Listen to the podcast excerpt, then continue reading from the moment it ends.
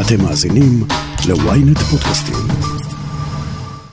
absolutely crazy atmosphere inside the stadium. Crazy in a good way. You know, the U.S. sends a lot of fans to the World Cup now. And so the U.S. fans were extremely loud. We're in a part of the world where we're near Iran. So there were lots of Iran fans in the stands. They were very loud. בלילה שבין שישי לשבת הלך לעולמו העיתונאי האמריקני המוכר ביותר בתחום סיקור הכדורגל, גרנט וול. מותו זעזע לא רק את אוהדי הכדורגל והעיתונאים המסקרים את המונדיאל, אלא רבים אחרים שהעלו חששות רבים ותיאוריות רבות לגבי הנסיבות של מותו. האם היה כאן חיסול שקט? האם לקטרים לא היה נוח עם הביקורת שהעביר כלפיהם? או אולי המוות הטבעי התרחש בנסיבות מקריות לחלוטין. אני שרון קידון, וזאת הכותרת.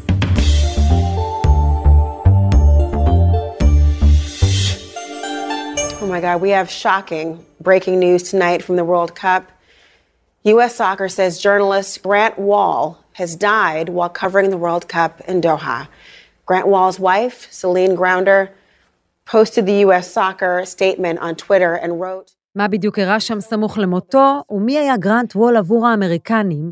את זאת ננסה לברר עם כתבת ynet וידיעות אחרונות בארצות הברית, ציפי שמילוביץ'. גרנט וול הוא עיתונאי ספורט אמריקאי מהחשובים ובעיקר מהמשפיעים בתקשורת ספורט אה, בארצות הברית הרבה מאוד שנים. אנחנו, השם שלו קפץ עכשיו בגלל, בגלל הסיום הטרגי, אבל זה האדם שכתב למשל את הכתבה הגדולה הראשונה לברון ג'יימס. Uh, you know, further, um, you know, details on what transpired, but very fond of, of Grant and, uh, you know, having that, um, that cover shoot you know, me being a teenager and him covering that, it was... Um... ואחר כך הוא עשה מעבר חד לכדורגל. והוא למעשה הכניס בארצות הברית את הסיקור הרציני והמקצועי של כדורגל, אה, כדורגל בצורה שקשה לאמריקאים אה, אה, להכיר ולקבל, הם מתקשים עם המשחק הזה. בשבילם זה סוקר, והוא משחק זר, ולא קל להם איתו.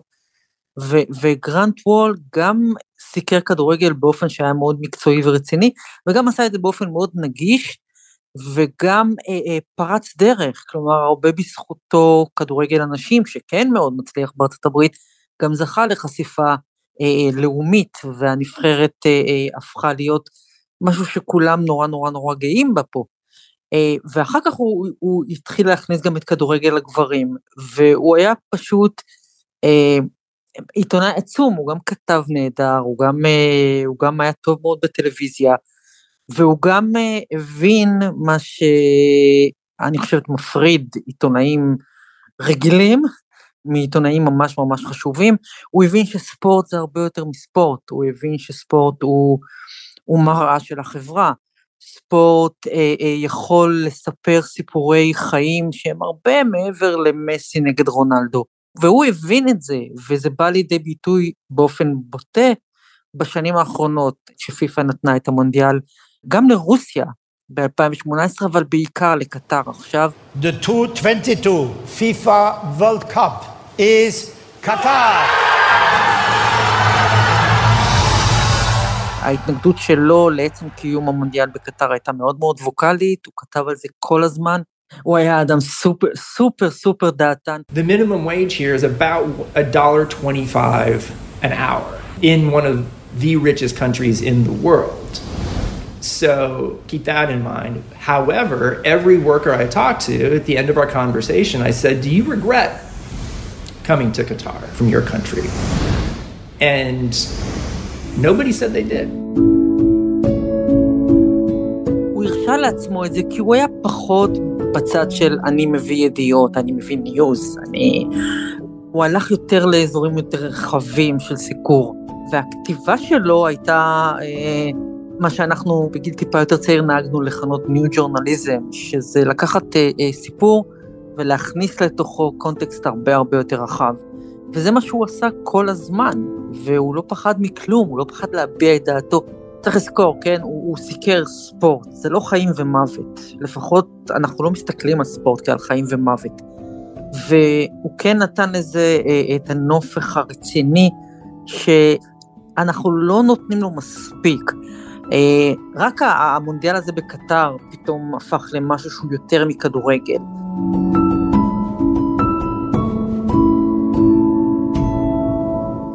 אבל בדרך כלל אנחנו מסתכלים על ספורט ומתעלמים מסביב, יש הרי אסכולה שלמה שאומרת שלא צריך לערב, לערב פוליטיקה בספורט, וצריך להשאיר את הספורט נקי מכל שיקולים פוליטיים, מכל...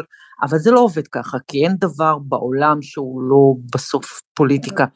בטח כשמדובר במונדיאל, שזה נבחרות לאומיות, שזה מה שאנחנו נוהגים לכנות אה, אה מלחמה בלי הרוגים, בלי נפגעים.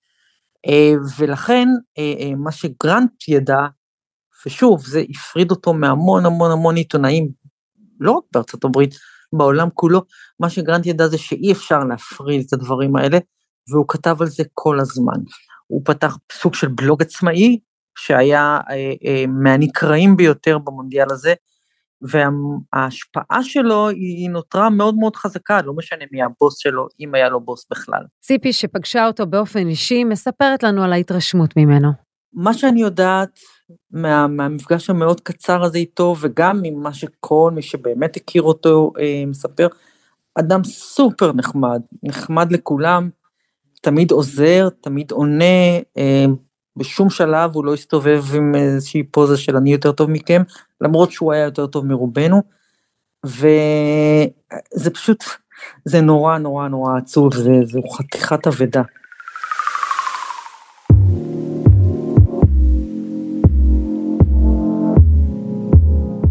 מה הייתה הביקורת העיקרית שלו על המדיניות של קטאר? אחד, אה, כל ענייני אה, אה, זכויות האדם, והצורה שבה המונדיאל הזה ניתן לקטר על ידי פיפ"א, אז מדובר, פיפ"א הוא ארגון מאוד מאוד מאוד מושחת, זה לא חדש, אבל השחיתות שדרכה נתנו את המונדיאל לקטר, זה כבר היה ממש מהמקפצה. אחר כך היה עניין כל הפועלים הזרים והמהגרים שהגיעו לקטר, אה, אה, הרוויחו סכומים אפסיים, לא היו להם שום תנאים ושום זכויות, והם נהרגו בהמוניהם. אלפי אנשים נהרגו בבניית האצטדיונים המפוארים האלה שאנחנו רואים עכשיו. גם זה אה, תועטה מתחת לשטיח על ידי פיפ"א, וגרנד כתב על זה כל הזמן. אחר כך כשהוא הגיע ממש לקטר, לפני שבועיים, הוא, כשארצות הברית עדיין שיחקה בבתים המוקדמים, הוא הגיע לאחד המשחקים כשהוא לובש חולצת טריקו עם צבעי הקשת, צבעי דגל הגאווה. Uh, I arrived at the stadium last night for the US game uh, wearing the shirt that you just showed with a rainbow around a soccer ball supporting LGBTQ issues and immediately was not allowed in by security officials who told me it was because of my shirt. They demanded I take the shirt off. I refused. They then, right after I got a tweet off, uh, forcibly took my cell phone and kept it for 30 minutes. Uh, I, I, repeatedly kept asking to get it back, they wouldn't אז יש לו שהוא גיי, וגרנט דיבר כל הזמן על כל נושא ההומופוביה, שהוא כמובן במרכז הכותרות בכל מה שקשור לטורניר הזה בקטר. הוא הגיע למשחק של נבחרת ארצות הברית עם חולצה עם צבעי דגל הגאווה, והוא עוכב בכניסה. לא נתנו לו להיכנס חצי שעה. הדרישה הייתה שהוא יחליף את החולצה, הוא לא הסכים, ובסופו של דבר הם נכנעו ונתנו לו להיכנס פנימה, יש הרבה מאוד תמונות שלו במרכז העיתונות בקטר, יושב עם החולצה הזו. והכתבה האחרונה שהוא העלה, ממש יום לפני שהוא מת, הייתה על עוד פועל באיצטדיון שמת ממש השבוע. כלומר, הוא עד הרגע האחרון, הוא המשיך לכתוב דברים שהרבה עיתונאים אחרים פשוט פחדו להגיד בקול רם, בוודאי מהרגע שבו הם הגיעו לקטר. והוא לא, עד הרגע האחרון הוא עשה את העבודה שלו אה, כעיתונאי באמת חסר כל פחד, וזו אבדה לעיתונות, אנחנו לא יכולים להרשות לעצמנו לאבד עיתונאי כמו, כמו גרנט וול, אין הרבה כאלה יותר.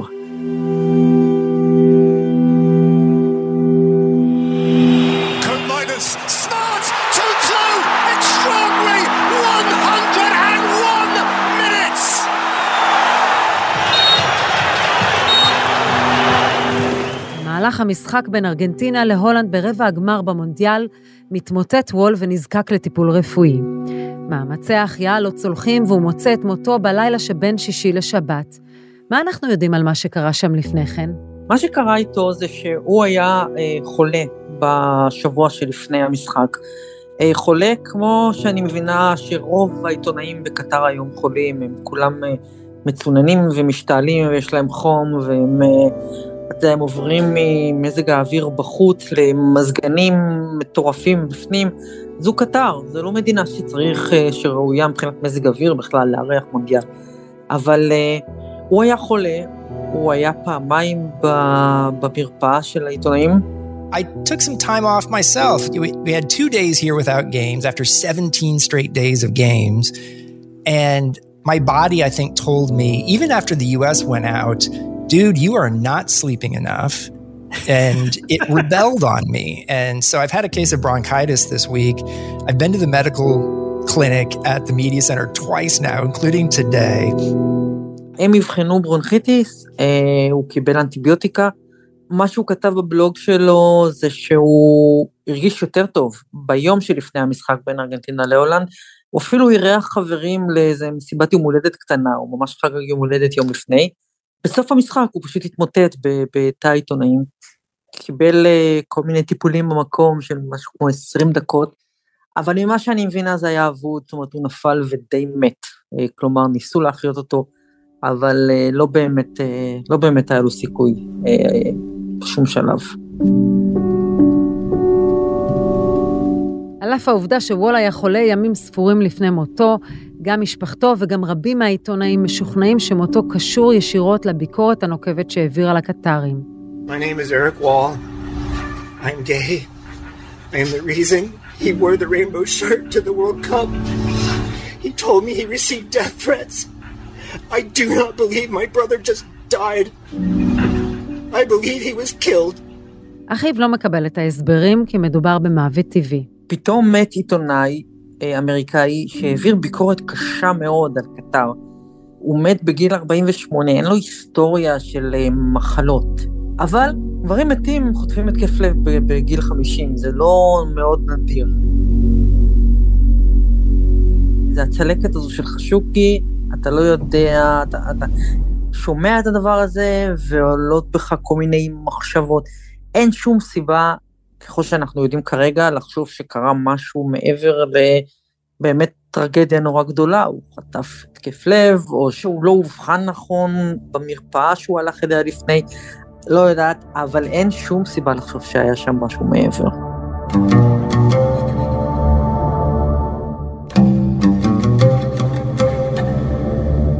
מדוע המוות של גרנט וול עורר כל כך הרבה שאלות ופחדים? והאם המאמץ הגדול שהושקע בהבאת המונדיאל לקטאר השתלם, או שהעולם מתחשבן עם הקטרים על מה שנחשף שם? הודעה קצרה, ומיד נמשיך עם הכותרת. ynet רדיו, הרדיו הדיגיטלי הראשון בישראל, מחכה לכם בכל מקום ובכל זמן שתבחרו, עם נבחרת המגישים שלנו ומיטב התוכניות. ynet רדיו, להאזנה באפליקציה ובאתר ynet.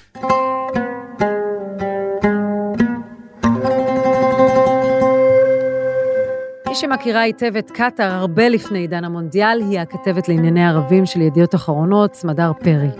סמדר, את מקבלת את הטענות על כך שיש קשר בין מותו לבין הביקורת החריפה שלו כלפי השלטונות? אני יכולה לשמוע את הטענות, אני חושבת שהוא מת מוות, אה, אני לא יודעת אם להגיד טבעי, כי הוא היה צעיר, הוא היה בן 48, אבל הוא מת אה, כמו שבן אדם מת, ולא מישהו אה, ניסה לחסל אותו והצליח להרוג אותו וכל הסיפורים האלה.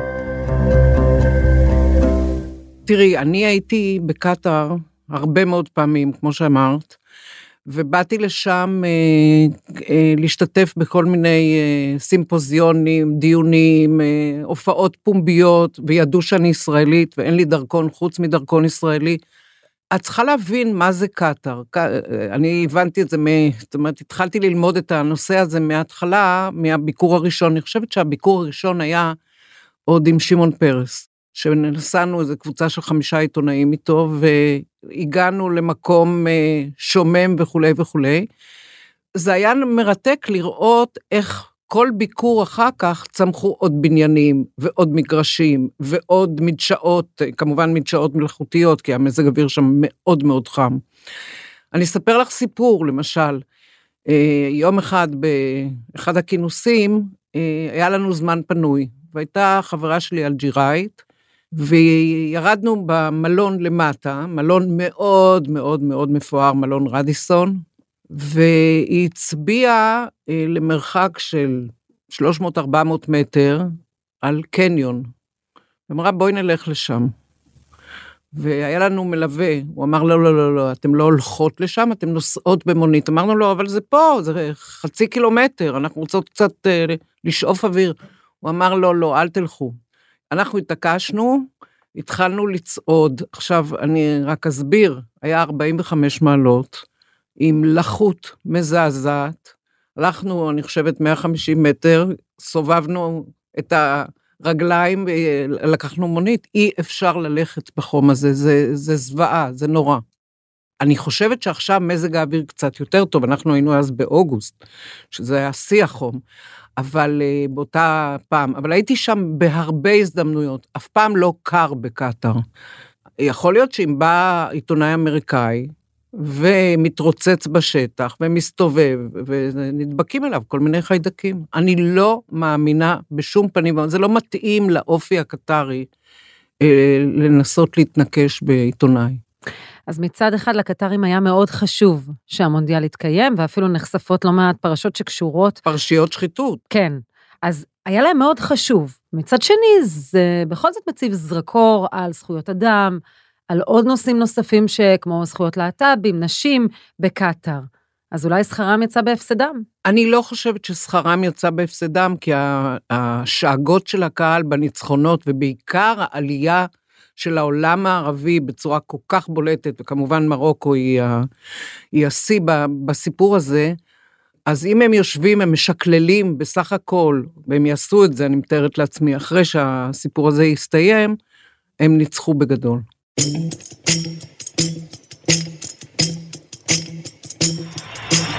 بسم الله الرحمن الرحيم. من قطر من بلاد العرب أرحب بالجميع في بطولة كأس العالم 2022 בואי נתחיל אה, קצת אחורה, שהתאחדות לכדורגל האירופית קיבלה שוחד מאוד גדול, והם לא, לא מסוגלים גם להכחיש את זה. זאת אומרת, הם קיבלו סכומים דמיוניים כדי לאפשר את המונדיאל הזה פעם ראשונה במדינה ערבית, פעם ראשונה בקטאר, וקטאר כאילו תקעה אצבעות לעיניים של כל אה, מנהיגי העולם הערבי. ויש איזושהי ממד של צביעות, כי מצד אחד זו חגיגה, זו חגיגה בינלאומית, מצד שני מתעלמים מכל הנושאים של זכויות אדם, הנושאים של זילות בחיי אדם, והפרשה הזו של גרנט וול אולי טיפה מעלה את הנושא הזה. אני אגיד ככה, אני חושבת שכל זמן, הרי יש לנו עוד איזה שבועיים, עשרה ימים, משהו כזה, עד שהמשחקים יסתיימו. אני חושבת שאחרי שהמשחקים יסתיימו, כל אחד מהעיתונאים יחזור הביתה, יעשה חשבון ויפרסם אה, כל מיני דברים שלא נוח להם לפרסם עכשיו. יש איזה חשש, את חושבת, בקרב העיתונאים שנמצאים שם?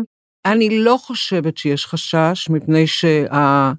הקטרים לוקחים בחשבון שהם נמצאים תחת זכוכית מגדלת. זאת אומרת, הם לא יעשו, הם יעשו כל דבר להפך, כדי להנעים את השהייה, כדי אה, אה, לגרום לאנשים, הרי הם עושים את זה בין השאר גם לפיתוח תיירות.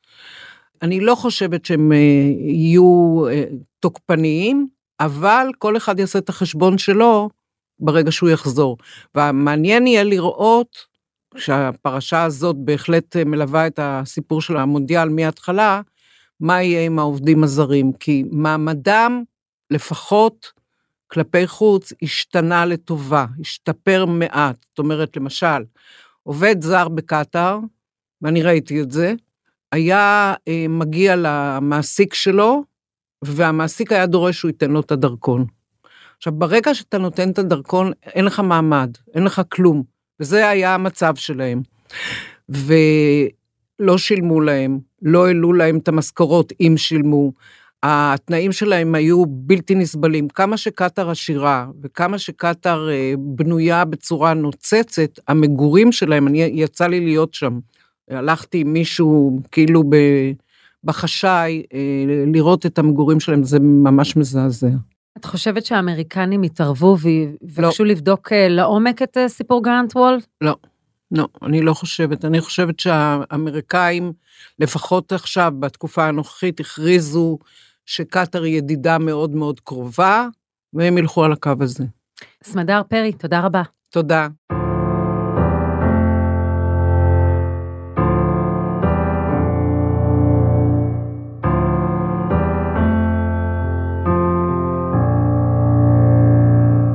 בחזרה לציפי שמילוביץ' לסיכום על רקע הדיווחים על צלם של רשת הטלוויזיה הקטרית אל-קאס, שגם מצא את מותו בדוחה בנסיבות לא ברורות עדיין. יש לעיתונאים ממה לחשוש שם? לא, אני חושבת שלא. העיתונאים שנמצאים בקטר ברובם לא פחדו לכתוב את מה שהם חושבים. גרנט היה באמת, הוא, הוא היה בולט כי הוא עשה את זה הרבה לפני, והוא עשה את זה באופן מאוד מוחצן. אני לא מכירה עוד עיתונאי שבא עם, עם החולצה, עם חולצת דגלי, צבעי דגל הגאווה למשחק. הוא היה מאוד, הוא היה באמת קצת ליגה בפני עצמו, אבל, אבל זה לא שעיתונאים פוחדים לכתוב מקטר מה שהם מרגישים. אנחנו גם מתקרבים לסוף הטורניר, ואני לא חושבת שאנשים מסתובבים בקטר בפחד. ציפי שמילוביץ', ניו יורק, תודה רבה. תודה לכם, תודה רבה.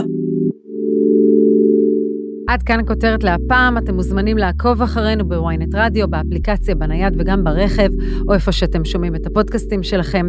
אם זה קורה באפל או בספוטיפיי, אתם מוזמנים גם לדרג אותנו ולהאזין לפודקאסט מונדיאל במדבר, פודקאסט הגביע העולמי של וויינט. עורך הפודקאסטים הוא רון טוביה, איתי בצוות הכותרת ישי שנרב ויואב רבינוביץ', תחקיר הפקה ועריכה אלי שמעוני וגיא סלם. אני שרון קידון, ניפגש בפעם הבאה.